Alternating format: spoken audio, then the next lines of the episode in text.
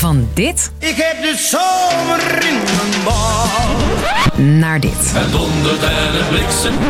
Hebben we net een paar mooie dagen achter de rug. Eind van de week zelfs een tropische dag. Krijgen we ineens te maken met onweersbuien. Het gebeurt ons vaker dat het weer ineens helemaal omslaat. Maar hoe komt dat?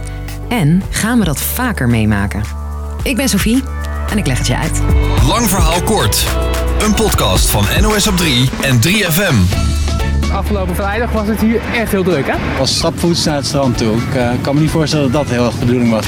Hoe lang lig je hier al zo te braden? Eh, vijf minuten denk ik. Ik kom net van het strandpavioen af, dus...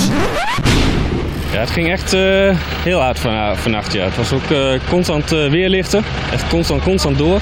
We zagen dus door alle afvoeren, door de toiletten, het water stijgen. Je kent vast wel het spreekwoord na regen komt zonneschijn. Maar na heel veel zonneschijn komt ook heel veel regen. Blijkt ook deze week. Luister even mee naar het weerbericht van het journaal. We gaan naar het weer met Peter. Morgenavond, tweede helft van de avond zo'n beetje, dan kunnen er wat onweersbuien. Vrijdag hebben we kans op onweer. Zondag is het dan weer wat warmer met een kans op onweer. Dat het vaak onweert na een paar lekkere dagen heeft met drie factoren te maken, voor zover bekend is. Allereerst de lucht. Als het heet is, warmt de lucht dicht bij de grond flink op. En misschien heb je dit nog wel onthouden van je aardrijkskundeles. Warme lucht stijgt op. Hoe heter het is, des te hoger de lucht stijgt. En des te groter de kans dat warme luchtlagen in aanraking komen met koude luchtlagen, die heel ver boven de grond zweven. Maar voor onweer is er meer nodig. In Spanje bijvoorbeeld is het ook erg heet en komen warme en koude luchtlagen ook met elkaar in aanraking. Maar komt onweer niet vaak voor. Heeft te maken met de luchtvochtigheid, die bij ons hoger is dan in Spanje. Bij een hoge luchtvochtigheid hoor je vaak dit. Het is gewoon uh, stik benauwd. Daar kan ik niet echt eh, goed mee concentreren en ja, het gaat, dan kost het gewoon mijn werk.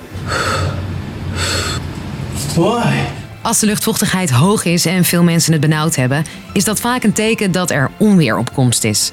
Want als er veel vocht in de lucht is, kan dat verdampen. Zo ontstaan er wolken en daaruit kan weer neerslag vallen. Wat een troosteloze bende. We hoeven dit toch niet meer te doen?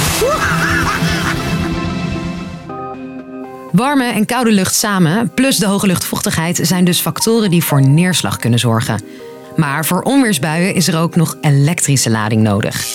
Dat is de derde factor die eigenlijk uit die andere factoren voortvloeit. Je hoort mijn collega, weerman Peter Kuipers-Munneke. Op zo'n hele warme dag als vandaag gaat die warme lucht op een gegeven moment opstijgen. En als die dan botst tegen de koude lucht die op 5 of 6 kilometer hoogte zit, dan krijg je hele grote wolken, dat ten eerste. En gaat het echt enorm hard regenen. En dan zie je dat die regendruppels die vallen naar beneden, die lucht die stijgt nog op. En die twee die gaan als het ware tegen elkaar aanwrijven. En daardoor krijg je elektriciteit. En als je dat gaat ontladen, krijg je onweer. En die ontlading waar Peter het over heeft, zijn de lichtflitsen die je ziet. Omdat de lucht ook nog eens sterk uitzet, horen we er ook nog gedonder bij. We weten nu hoe onweersbuien ontstaan na een heel warme periode.